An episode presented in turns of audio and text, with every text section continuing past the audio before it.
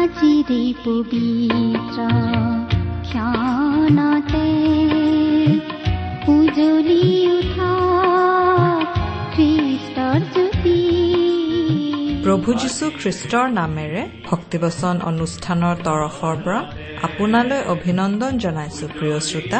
আজিৰ এই অনুষ্ঠানত আপোনাক লগ পাই বৰ ভাল লাগিছে। আশা কৰো আপুনি ভালে কুশলে আছে। ভক্তিবচন অনুষ্ঠানত প্ৰচাৰ হোৱা ঈশ্বৰৰ বাক্যসমূহে আপোনাক কেনেদৰে সহায় কৰিছে জানিবলৈ আমাৰ বৰ মন যায়। কেতিয়াবা দুষাৰিমান আমালৈ লিখি পঠিয়াবচোন। আমাৰ ঠিকনাতে অনুষ্ঠানটিৰ শেষত কোৱা হ'ব। আপুনি কলম আৰু কাগজ সাজু কৰি থব। ঈশ্বৰৰ যি দয়া কৰোণা আমি পাইছো তাকেই এই অনুষ্ঠানৰ যোগেৰে জনাবলৈ পাই আমি অতি আনন্দিত। আপোনাৰ পৰাও জানিবলৈ পালে আমি বৰ বেছি উৎসাহিত হওঁ। কিয়নো ঈশ্বৰে আমাক সকলোৰে যত্ন লয়। আপোনাৰো যত্ন লৈ আছে। নিশ্চয় আপোনাকো অনেক আশীৰ্বাদ কৰি আছে। দুখ কষ্টত পৰিলে তেওঁ উদ্ধাৰ কৰিছে। বেজাৰৰ সময়ত তেওঁ আহি সান্তনা দিছে। হয়তো ৰোগত পৰোতে সুস্থতা দিছে। তেওঁ সদায় আপোনাৰ বিভিন্ন পৰিস্থিতিত যত্ন লৈ আছে। তেওঁ আচৰিত মৰমীয়াল ঈশ্বৰ তেওঁৰ মৰমবোৰ আশীৰ্বাদবোৰ স্বীকাৰ কৰিলে সোঁৱৰণ কৰিলে সেইবোৰ দুগুণে বাঢ়ে। আহক আমি প্ৰতিদিনে ঈশ্বৰৰ পৰা পাই থকা আশীৰ্বাদবোৰ ইজনে আনজনৰ লগত প্ৰকাশ কৰোঁ।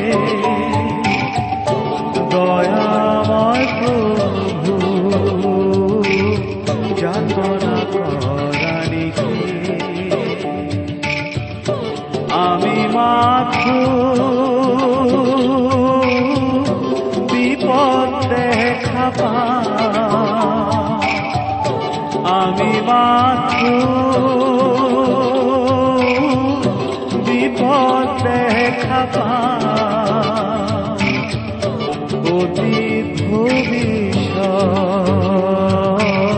কি যে প্ৰভু চাওঁ। বথা নাই যে ভঙা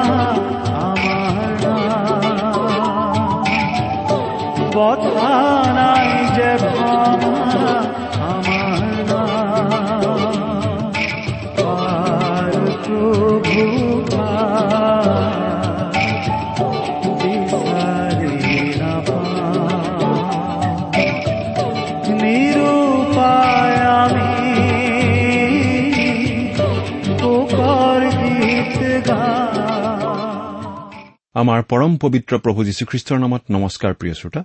আশা কৰো মহান পিতা পৰমেশ্বৰৰ মহান অনুগ্ৰহত আপুনি ভালে কুশলে আছে। আচলতে এই পৃথিৱীত যে আমি জীয়াই আছো আমাৰ জীৱনৰ প্ৰতিটো ক্ষণৰ বাবেই আমি ঈশ্বৰক ধন্যবাদ দিব লাগে। কিন্তু এই জীৱনৰ সিপাৰে যি অনন্ত জীৱন আছে সেই অনন্ত জীৱন যেন আমি স্বৰ্গত কটাব পাৰো তাৰ ব্যৱস্থা যে ঈশ্বৰে কৰিলে সেইবাবেহে আমি ঈশ্বৰক অধিক ধন্যবাদ দিব লাগে। ঈশ্বৰৰ সেই ব্যৱস্থাৰ কথা আমি তেওঁৰ মহান বাক্য বাইবেল শাস্ত্ৰত পাওঁ। আৰু সেই বাইবেল শাস্ত্ৰৰ সহজ সৰল অধ্যয়ন আমি আগবঢ়াই আহিছো আমাৰ এই অনুষ্ঠানৰ যোগেৰে। আশা কৰো আপুনি আমাৰ এই অনুষ্ঠান নিয়মিতভাৱে শুনি আছে। শুনি কেনে পাইছে? আমালৈ চিঠি লিখি জনাবচোন। আহকচোন আজিৰ বাইবেল অধ্যয়ন আৰম্ভ কৰাৰ আগতে খন্তেক প্ৰাৰ্থনাত মূৰ্ণত কৰো। স্বৰ্গত থকা অসীম দয়ালু কৰুণাময় পিতা তোমাৰ তুলনা নাই। তোমাৰ প্ৰেম তোমাৰ কৰুণা তোমাৰ অনুগ্ৰহৰ কথা আমি বৰ্ণনা কৰি শেষ কৰিব নোৱাৰো। প্ৰভু যীশুৰ যোগেদি তুমি আমালৈ যি অনুগ্ৰহ দেখুৱালা তাৰ বাবে তোমাক অশেষ ধন্যবাদ পিতা। এতিয়া আমি তোমাৰ মহান বাক্য বাইবেল শাস্ত্ৰ অধ্যয়ন কৰিবলৈ আগবাঢ়িছো। তোমাৰ বাক্য তুমিয়েই আমাক বুজাই দিয়া। এই অনুষ্ঠানৰ আৰম্ভণিৰ পৰা শেষলৈকে তুমিয়েই আমাৰ চলাওঁতা হোৱা। তোমাৰ স্পষ্ট মাত আমাক শুনিবলৈ দিয়া। কিয়নো এই প্ৰাৰ্থনা আমাৰ মহান ত্ৰাণকৰ্তা মৃত্যুঞ্জয় প্ৰভু যীশুখ্ৰীষ্টৰ নামত আগবঢ়াইছো।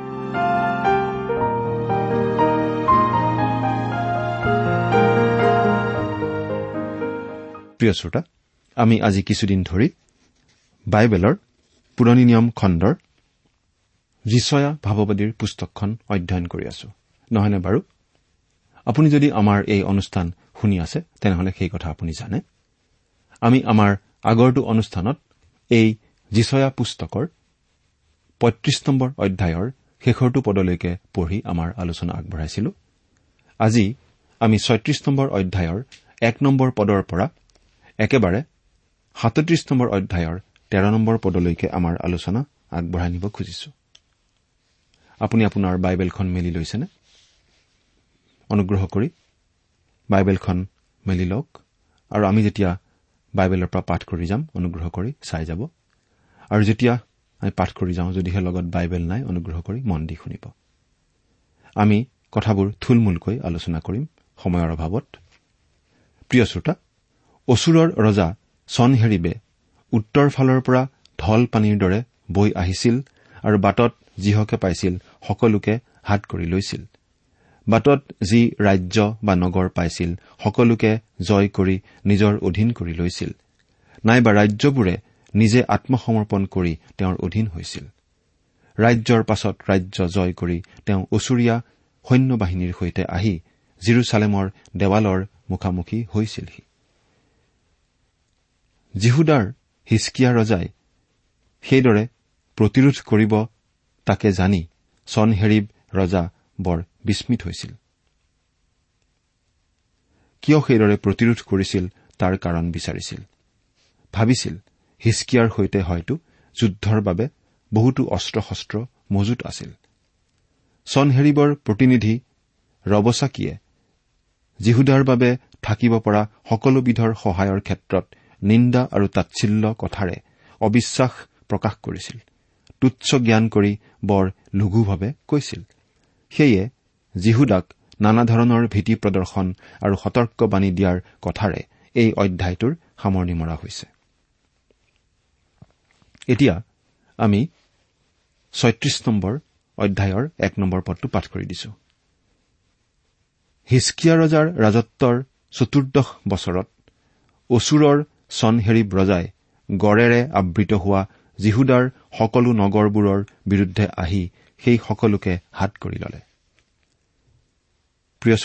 আপোনাৰ নিশ্চয় মনত আছে যে উজ্জিয়া ৰজাৰ মৃত্যুৰ পাছত জীচয়াই ভাৱবাণী প্ৰচাৰ কৰাৰ কাৰ্যভাৰ ঈশ্বৰৰ আহানত গ্ৰহণ কৰিছিল আৰু জুথম আহজ আৰু হিচকিয়া ৰজাৰ ৰাজত্বৰ কাললৈকে তেওঁৰ সেই পৰিচৰ্যা অব্যাহত ৰাখিছিল। জিহুদাৰ পাঁচজন মহান ৰজাৰ ভিতৰত হিচকিয়াও আছিল এজন। বাকী চাৰিগৰাকী আছিল আছা জিহুচাফত জোৱাছ আৰু জুচিয়া এওঁলোকৰ ৰাজত্বৰ কালত জিহুদাৰ ভূমিলৈ আধ্যামিক জাগৰণ আহিছিল। হিচকিয়া বাস্তৱিকতেই এগৰাকী মহান ৰজা আছিল। দ্বিতীয় বংশাৱলী ঊনত্ৰিশ নম্বৰ অধ্যায়ৰ এক আৰু দুই নম্বৰ পদত এনেদৰে কোৱা হৈছে। হিচকিয়াই পঁচিছ বছৰ বয়সত ৰজা হৈ জিৰচালেমত ঊনত্ৰিশ বছৰ ৰাজত্ব কৰিলে। তেওঁৰ মাক জখৰীয়াৰ জীয়েক অবিয়া আছিল। তেওঁ তেওঁৰ ওপৰ পিতৃ ডায়ুদৰ সকলো কৰ্মৰ দৰে জিহুৱাৰ দৃষ্টিত যি ন্যায় তাকে কৰিলে। কিন্তু হিচকিয়া ভাল ৰজা হলেও চনহেৰিবে জিৰচালেম আক্ৰমণ কৰি নগৰখন অৱৰোধ কৰোতে হিচকিয়াই চনহেৰিবক বহু পৰিমাণৰ ভেটি দিছিল। আৰু সেইদৰেই নগৰখনক ৰক্ষা কৰিবলৈ ব্যৱস্থা হাতত লৈছিল। দ্বিতীয় ৰজা বুলি ওঠৰ নম্বৰ অধ্যায়ৰ তেৰৰ পৰা ষোল্ল নম্বৰ পদলৈকে চাওক। সেই ভেটি দিবলৈকে জিহুৱাৰ মন্দিৰৰ দুৱাৰৰ চৌকাঠত পতা মৰা সোণবোৰ এৰুৱাই চনহেৰিবে দাবী কৰা ভেটি দিব লগা হৈছিল। সেইটো কৰাৰ কোনো প্ৰয়োজনেই নাছিল। কাৰণ ওচৰীয়া সৈন্যসকল জেৰুচালেমৰ দেৱালৰ বাহিৰতেই আছিল। কিন্তু তেনেদৰে ভেটি দিয়া কাৰ্যই বিশেষ একো সহায় কৰা নাছিল। ইয়াৰ পৰা এই কথা স্পষ্ট হয় যে ভেটি দিয়া প্ৰথাটো আজিৰ নতুন প্ৰথা নহয়। ই পূৰ্বৰে পৰা চলি অহা এটা বেয়া প্ৰথা। কিন্তু এনে সময় আছিল যি সময়ত ভেটি মানুহে বৰ গোপনীয়ভাৱে দিছিল। আজি আৰু সেইদিন নাই। আজি মানুহে দেখা দেখি আৰু খোলা খুলিকৈ ভেটি লয় আৰু ভেটি দিয়ে। ধনী দেশবিলাকে আজি টকাৰে বন্ধু কিনিবলৈ চেষ্টা কৰে কিন্তু সেই দেশবিলাকৰ বন্ধু তেনেই কম। টকাৰে প্ৰকৃত বন্ধু কিনি পোৱা নাযায়। প্ৰকৃত বন্ধু আচলতে কোন সেইটো নজনাটোৱেই আজি মানুহৰ ডাঙৰ সমস্যা। কিন্তু আমি হিচকিয়াৰ জীৱনত পাওঁ যে সদৌ শেষত যিগৰাকী বন্ধুৰ গুৰিলৈ তেওঁ ঘূৰি গৈ অতি নিশ্চিত সহায় লাভ কৰিছিল। সেইজনা আছিল টকাৰে কিনি পাব নোৱাৰা জীৱনৰ প্ৰকৃত বন্ধু ঈশ্বৰ জিহুৱা। এতিয়া আমি দুই নম্বৰ পদটো পাঠ কৰিম। ইয়াত এনেদৰে পাওঁ আৰু অচুৰীয়া ৰজাই লাখিছৰ পৰা ৰবচাকিক বহু সৈন্য সামন্তৰে সৈতে জিৰচালেমলৈ হিচকিয়া ৰজাৰ ওচৰলৈ পঠালে। তেওঁ আহি ওপৰ পুখুৰীৰ নলাৰ ওচৰত ধুবা পথাৰৰ ৰাজ আলিত থিয় হলহি। চনহেৰিব ৰজা নিজে জিৰচালেমলৈ নাহি তেওঁৰ সৈন্যবাহিনীৰ সেনাপতি ৰবচাকিক বহু সৈন্য সামন্ত সহ তালৈ পঠাইছিল। তেওঁলোক জিৰচালেমলৈ আহি নগৰৰ দেৱালৰ বাহিৰতেই অৱস্থান লৈছিল আৰু ৰবচাকিয়ে বিভিন্ন প্ৰকাৰৰ নিন্দা আৰু ভীতি প্ৰদৰ্শনেৰে হিচকিয়া আৰু তেওঁৰ লোকবিলাকক ভীতিগ্ৰস্ত কৰোৱাবলৈ চেষ্টা কৰিছিল। সেয়ে হিচকিয়াই এদল প্ৰতিনিধি তেওঁৰ ওচৰলৈ প্ৰেৰণ কৰিছিল। তেতিয়া হিলকিয়াৰ পুত্ৰ ৰজাৰ ঘৰগিৰি ইলিয়াকিম ৰাজলিখক চেবনা আৰু ইতিহাস লিখক আছফৰ পুত্ৰ জোৱাহে ওলাই গৈ তেওঁৰে সৈতে সাক্ষাৎ কৰিলে। হিচকিয়াই তেওঁৰ ৰাজ কাৰ্যালয়ৰ তিনিগৰাকী বিশেষ কাৰ্যকৰ্তা অৰ্থাৎ ৰাজগৃহৰ ঘৰগিৰি ইলিয়াকিম ৰাজলিখক চেবনা আৰু ইতিহাস লিখক জোৱাহক চনহেৰিবৰ সৈতে আলোচনা কৰি এটা বুজাবুজিত উপনীত হবলৈ পঠাই দিছিল। পদ তেতিয়া ৰব চাকিয়ে তেওঁবিলাকক কলে তোমালোকে হিচকিয়াক এই কথা কোৱা? মহাৰাজ অচুৰীয়া ৰজাই এই কথা কৈছে তুমি যিহত বিশ্বাস কৰিছা তাত কি বিশ্বাস? হিচকিয়াই যে এইদৰে চন হেৰিবৰ আক্ৰমণ প্ৰতিৰোধ কৰিব তাকে দেখি ৰবচাকি বৰ খঙেৰে বিস্ময় প্ৰকাশ কৰিছে। আৰু হিচকিয়াইনো কি শক্তিৰ ওপৰত আস্থা ৰাখি এইদৰে প্ৰতিৰোধ কৰাৰ সাহস কৰিছে তাক জানিবলৈ দাবী জনালে। মিছৰৰ সহায়ৰ ওপৰত আস্থা ৰাখিয়েই এইদৰে প্ৰতিৰোধ কৰা বুলি ৰবচাকিয়ে সন্দেহ প্ৰকাশ কৰিছে। সেই বিষয়ে আমি পাঁচ আৰু ছয় নম্বৰ পদত এইদৰে কোৱা পাওঁ। মই কৈছো ৰণ বিষয়ক তোমাৰ মন্ত্ৰণা আৰু পৰাক্ৰম কেৱল মুখৰ কথা মাত্ৰ। তুমি কাৰ ওপৰত ভৰসা কৰি মোৰ অহিতে বিদ্ৰোহ আচৰণ কৰিছা? চোৱা তুমি সেই থেতেলা খোৱা লাখুটি মিছৰত ভৰসা কৰিছা। কোনোৱে সেই লাখুটিত ভৰ দিলে সেয়ে তাৰ হাতত ফুটি সোমাব। মিছৰৰ ৰজা যি ফৰৌন তেওঁত ভৰসা কৰা সকলোলৈ তেওঁ তেনেকুৱা। প্ৰকৃততে অচুৰীয়াৰ সৈন্যবাহিনীয়ে উত্তৰৰ পৰা দক্ষিণলৈ নামি গৈ মিছৰ দেশ আক্ৰমণ কৰি নিজৰ অধীন কৰাৰ পৰিকল্পনা কৰিছিল। কিন্তু তাকে কৰাত মাজতে জিৰচালেমে বাধাৰ সৃষ্টি কৰা যেন পালে। আৰু সঁচাকৈয়ে তেওঁৰ দেউতাক আহজে মিছৰৰ পৰা সহায় আশা কৰাৰ দৰে হিচকিয়াইও মিছৰৰ পৰা সহায় আশা কৰিছিল। কিন্তু হিচকিয়াই মিছৰৰ পৰা কোনো সহায় পোৱা নাছিল।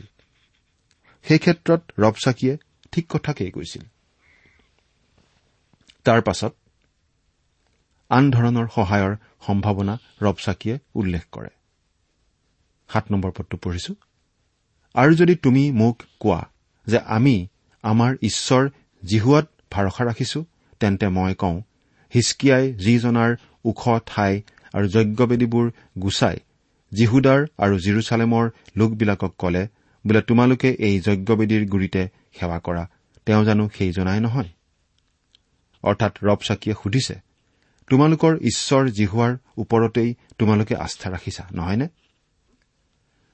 আধ্যামিক বিষয় ভালদৰে জানিব চিনিব নোৱাৰি ৰবচাকিয়ে হিচকিয়াক ভুল কথা কৈছে।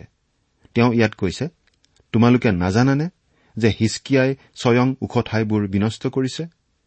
ৰবচাকিয়ে ভাবিছিল যে পৰজাতিবিলাকে ওখ ঠাইবোৰত দেৱতা পূজা কৰা আৰু জিৰচালেমৰ মন্দিৰত ঈশ্বৰ জিহুৱাক পূজা কৰাৰ মাজত একো পাৰ্থক্য নাছিল। মানুহবিলাকে যেন তেওঁলোকৰ কোনো পূজ্য দেৱতাৰ গুৰিলৈ যাব নোৱাৰে তাৰ কাৰণেই হিচকিয়াই সেই ওখ ঠাইবোৰ বিনষ্ট কৰা বুলি ৰব চাকিয়ে ভাবিছিল। আজিও ৰব চাকিৰ দৰেই বহু মানুহে আধ্যামিক পাৰ্থক্য চিনি নাপায়। বহু খ্ৰীষ্টীয় লোকে কয় সকলোবিলাক গীৰ্জা বা মণ্ডলী একেই। একেখন গন্তব্যস্থানকেই গৈ পাবলৈ সকলোৱে সংগ্ৰাম কৰিছে। এই লোকবিলাক ৰব চাকিৰ নিচিনা লোক। তেওঁলোকে একো পাৰ্থক্য বুজি নাপায় যেন লাগে।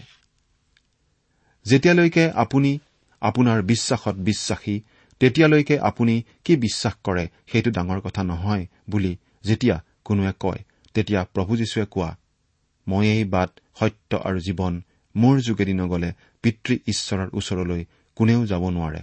এই কথাষাৰৰ বিৰোধিতা কৰে। আঠ আৰু ন নম্বৰ পদ। শুনা তুমি এতিয়া মোৰ প্ৰভু অচুৰীয়া ৰজাৰ লগত কথা বান্ধা। যদি তুমি ঘোঁৰাত উঠিব পৰা দুই হাজাৰ মানুহ দিব পাৰা তেন্তে মই তোমাক দুই হাজাৰ ঘোঁৰা দিম। এয়া অচুৰীয়া ৰবচাকীৰ বৰ গৰ্বী মনোভাৱ প্ৰকাশ পাইছে।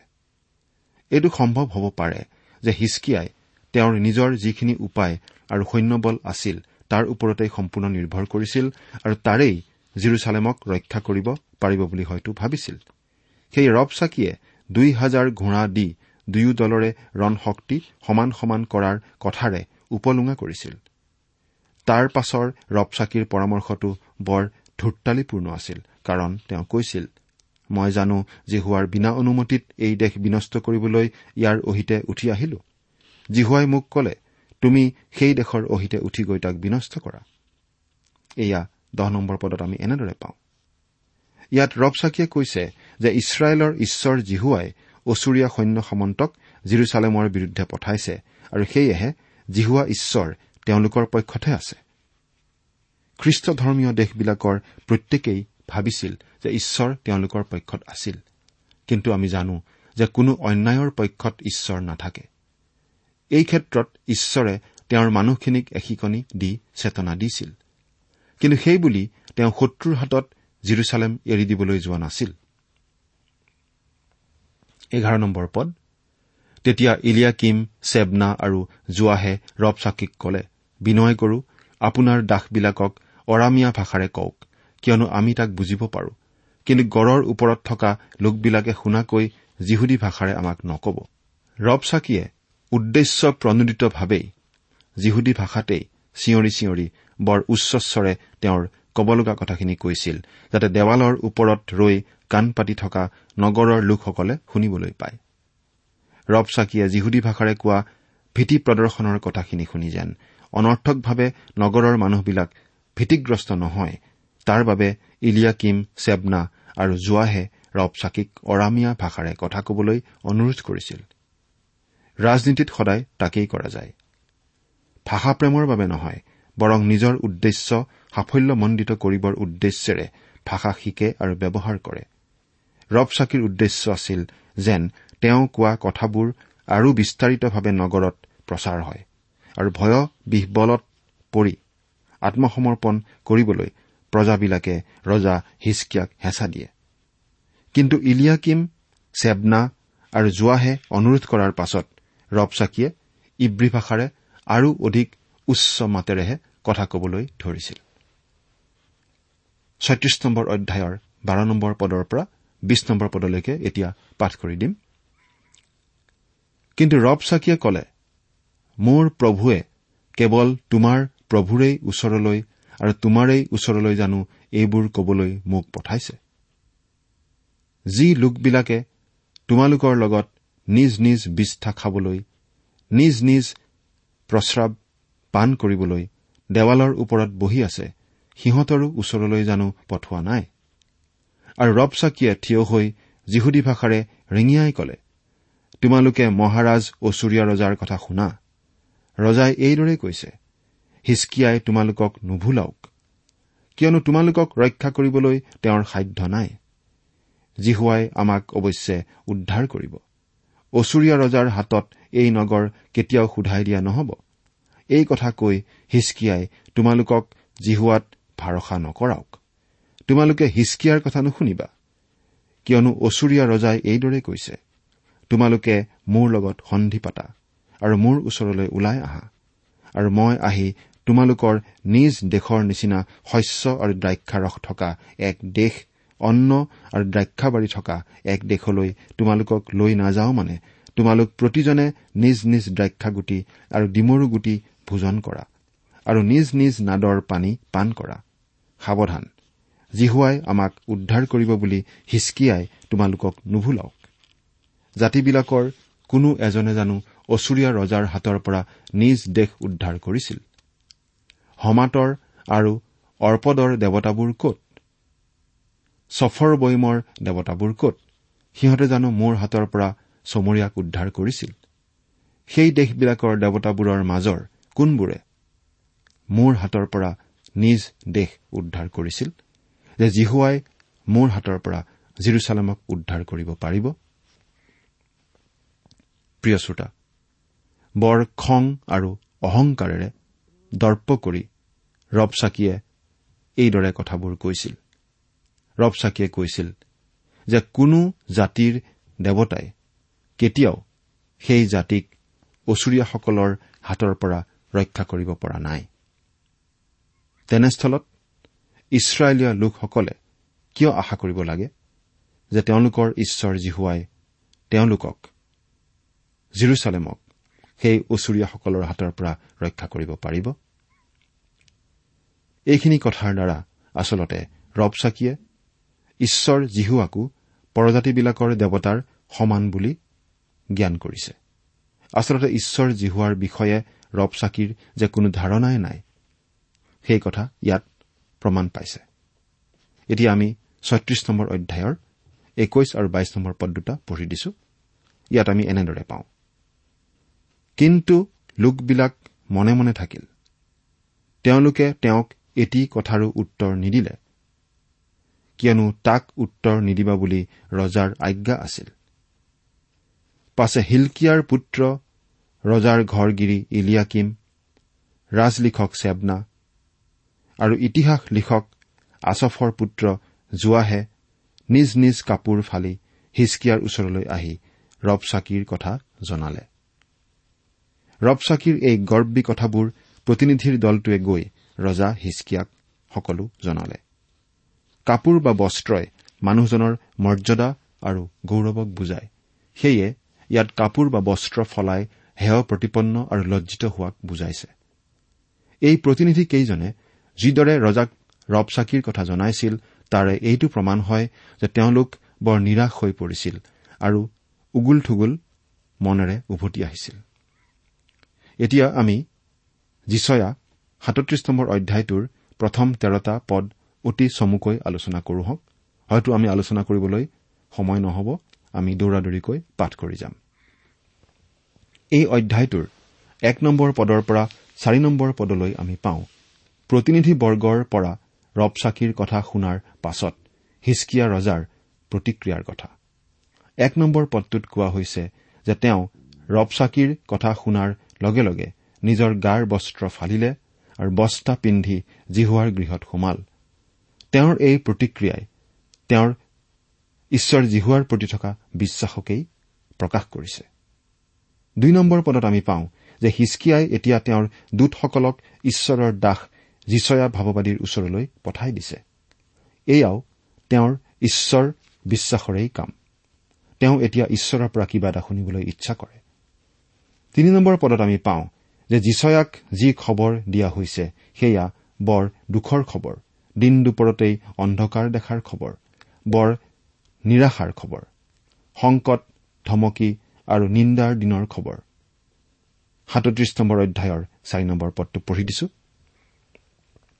যি ৰবচাকীক নিজ প্ৰভু অচুৰীয়া ৰজাই জীৱন্ত ঈশ্বৰক ধিক্কাৰ দিবলৈ পঠাইছিল কিজানি আপোনাৰ ঈশ্বৰ জিহুৱাই সেই ৰবচাকীৰ কথা শুনিব আৰু আপোনাৰ ঈশ্বৰ জিহুৱাই নিজে শুনা কথাৰ নিমিত্তে দণ্ড দিব। এই হেতুকে বৰ্তমানে থকা অৱশিষ্ট ভাগৰ নিমিত্তে আপুনি প্ৰাৰ্থনা উৎসৰ্গ কৰক। এতিয়া আমি দেখিবলৈ পাইছো যে ৰবচাকীয়ে জিহুৱা ঈশ্বৰৰ নিন্দা কৰাৰ কাৰণে ঈশ্বৰে তাৰ প্ৰতিফল দিব লাগে বুলি মানুহবিলাকে আশা কৰিছে। এতিয়া আমি একেলগে পাঁচ নম্বৰ পদৰ পৰা তেৰ নম্বৰ পদলৈকে পাঠ কৰি দিম। এইদৰে হিচকিয়া ৰজাৰ দাসবিলাক যিচয়াৰ ওচৰলৈ গলত। যিচয়াই তেওঁবিলাকক কলে তোমালোকৰ প্ৰভুক এই কথা কোৱাগৈ। জিহুৱাই এই কথা কৈছে তুমি যি বাক্য শুনিলা আৰু যিহৰ দ্বাৰাই অচুৰীয়া ৰজাৰ দাসবোৰে মোক নিন্দা কৰিলে এই সকলো কথালৈ ভয় নকৰিবা। চোৱা মই তাৰ অন্তৰত এক আত্মা স্থিতি কৰিম। আৰু সি কোনো সংবাদ শুনি নিজ দেশলৈ ওলটি যাব। পাছে মই তাৰ দেশত তাক তৰোৱালেৰে নিপাত কৰিম। অৰ্থাৎ যিচয়াই এই ভাৱবাণী জনাই দিছে যে ৰব চাকিয়ে আচলতে একো কৰিব নোৱাৰিব। পাছে ৰব চাকিয়ে ওলটি গৈ অচুৰীয়া ৰজাক লিবনাৰ অহিতে যুদ্ধ কৰা পালে। কিয়নো ৰব চাকিয়ে তেওঁ লাকিছৰ পৰা গ'ল বুলি বাৰ্তা পাইছিল। পাছে তেওঁ কোচ দেশৰ তিৰহাকা ৰজাৰ বিষয়ে এই কথা শুনিলে যে তেওঁ তোমাৰ বিৰুদ্ধে যুদ্ধ কৰিবৰ অৰ্থে ওলাই আহিছে। ইয়াকে শুনি তেওঁ হিচকিয়াৰ ওচৰলৈ দূত পঠাই কলে তোমালোকে জিহুদাৰ হিচকিয়া ৰজাক এই কথা কোৱাগৈ। তুমি যি ঈশ্বৰত ভাৰসা কৰিছা অচুৰীয়া ৰজাৰ হাতত জিৰচালেমক সোধাই দিয়া নহব বুলি তোমাৰ সেই ঈশ্বৰে তোমাক নুভুলাওক। চোৱা সকলো দেশ একেবাৰে নষ্ট কৰিবৰ নিমিত্তে অচুৰীয়া ৰজাবিলাকে সেইবোৰক কি কৰিছিল তুমি শুনিবলৈ পালা? তেন্তে তুমি জানো ৰক্ষা পাবা? মোৰ ওপৰ পিতৃবিলাকে বিনষ্ট কৰা জাতি যি গুজন হাৰণ ৰেচফ আৰু তলৎসাৰত থকা এডনৰ সন্তানবোৰ সিহঁতৰ দেৱতাবোৰে জানো সিহঁতক ৰক্ষা কৰিছিল? হমাতৰ ৰজা অৰ্পদৰ ৰজা ছফৰবৈমৰ নগৰৰ ৰজা হেনাৰ আৰু ইবাৰ ৰজা কত? অৰ্থাৎ আন আন দেৱতাবোৰে যে আন আন জাতিবোৰক ৰক্ষা কৰিব পৰা নাছিল সেইবাবে ঈশ্বৰ জিহুৱায়ো তেওঁলোকক ৰক্ষা কৰিব নোৱাৰিব বুলি ৰব চাকিয়ে ভাবিছিল। কিন্তু সত্য ঈশ্বৰ জিহুৱাই আচৰিত ধৰণে তেওঁলোকক ৰক্ষা কৰিছিল। সেই বিষয়ে আমি ইতিমধ্যে পঢ়ি আহিছো আৰু পিছৰ আলোচনাটো আমি পঢ়িবলৈ পাম। সেই সৰ্বশক্তিমান ঈশ্বৰ জিহুৱাত আপুনি ভৰসা ৰাখিছেনে? ঈশ্বৰে আপোনাক আশীৰ্বাদ কৰক। আহমেদ তোমাৰ অবিহনে আজি মোৰ জীৱন। আৰু একো নিবিচাৰো। ইমান পৰে আপুনি বাইবেল শাস্ত্ৰৰ পৰা ঈশ্বৰৰ বাক্য শুনিলে। এই বিষয়ে আপোনাৰ মতামত জানিবলৈ পালে আমি নথৈ আনন্দিত হ'ম। আমি প্ৰস্তুত কৰা বাইবেল অধ্যয়নৰ চিডিসমূহ পাব বিচাৰিলে আৰু অনুষ্ঠানত প্ৰচাৰ কৰা কোনো কথা বুজিব লগা থাকিলেও আমালৈ লিখক। আমাৰ যোগাযোগৰ ঠিকনা ভক্তিবচন ট্ৰান্সৱৰ্ল্ড ৰেডিঅ' ইণ্ডিয়া ডাক বাকচ নম্বৰ সাত শূন্য গুৱাহাটী সাত আঠ এক শূন্য শূন্য এক।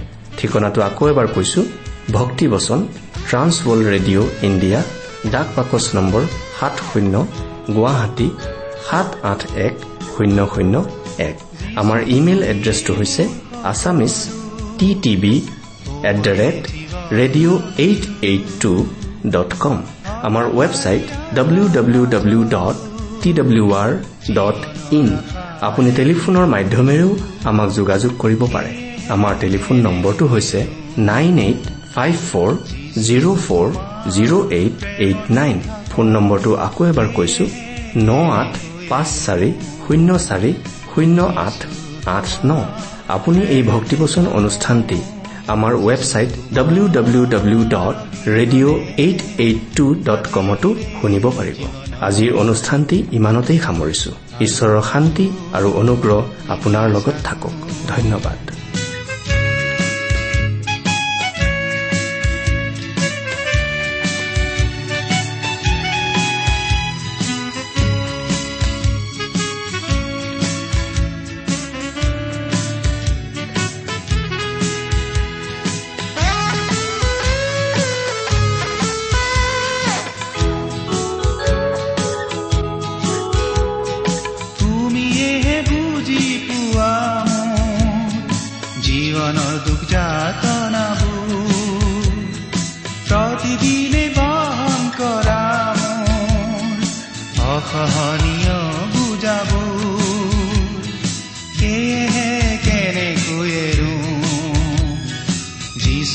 তোমাৰ প্ৰেমতে থাকো সেয়েহে কেনেকৈ যিছো তোমাৰ প্ৰেমতে থাকো যিচু তোমাৰ অবিহনে আজি মোৰ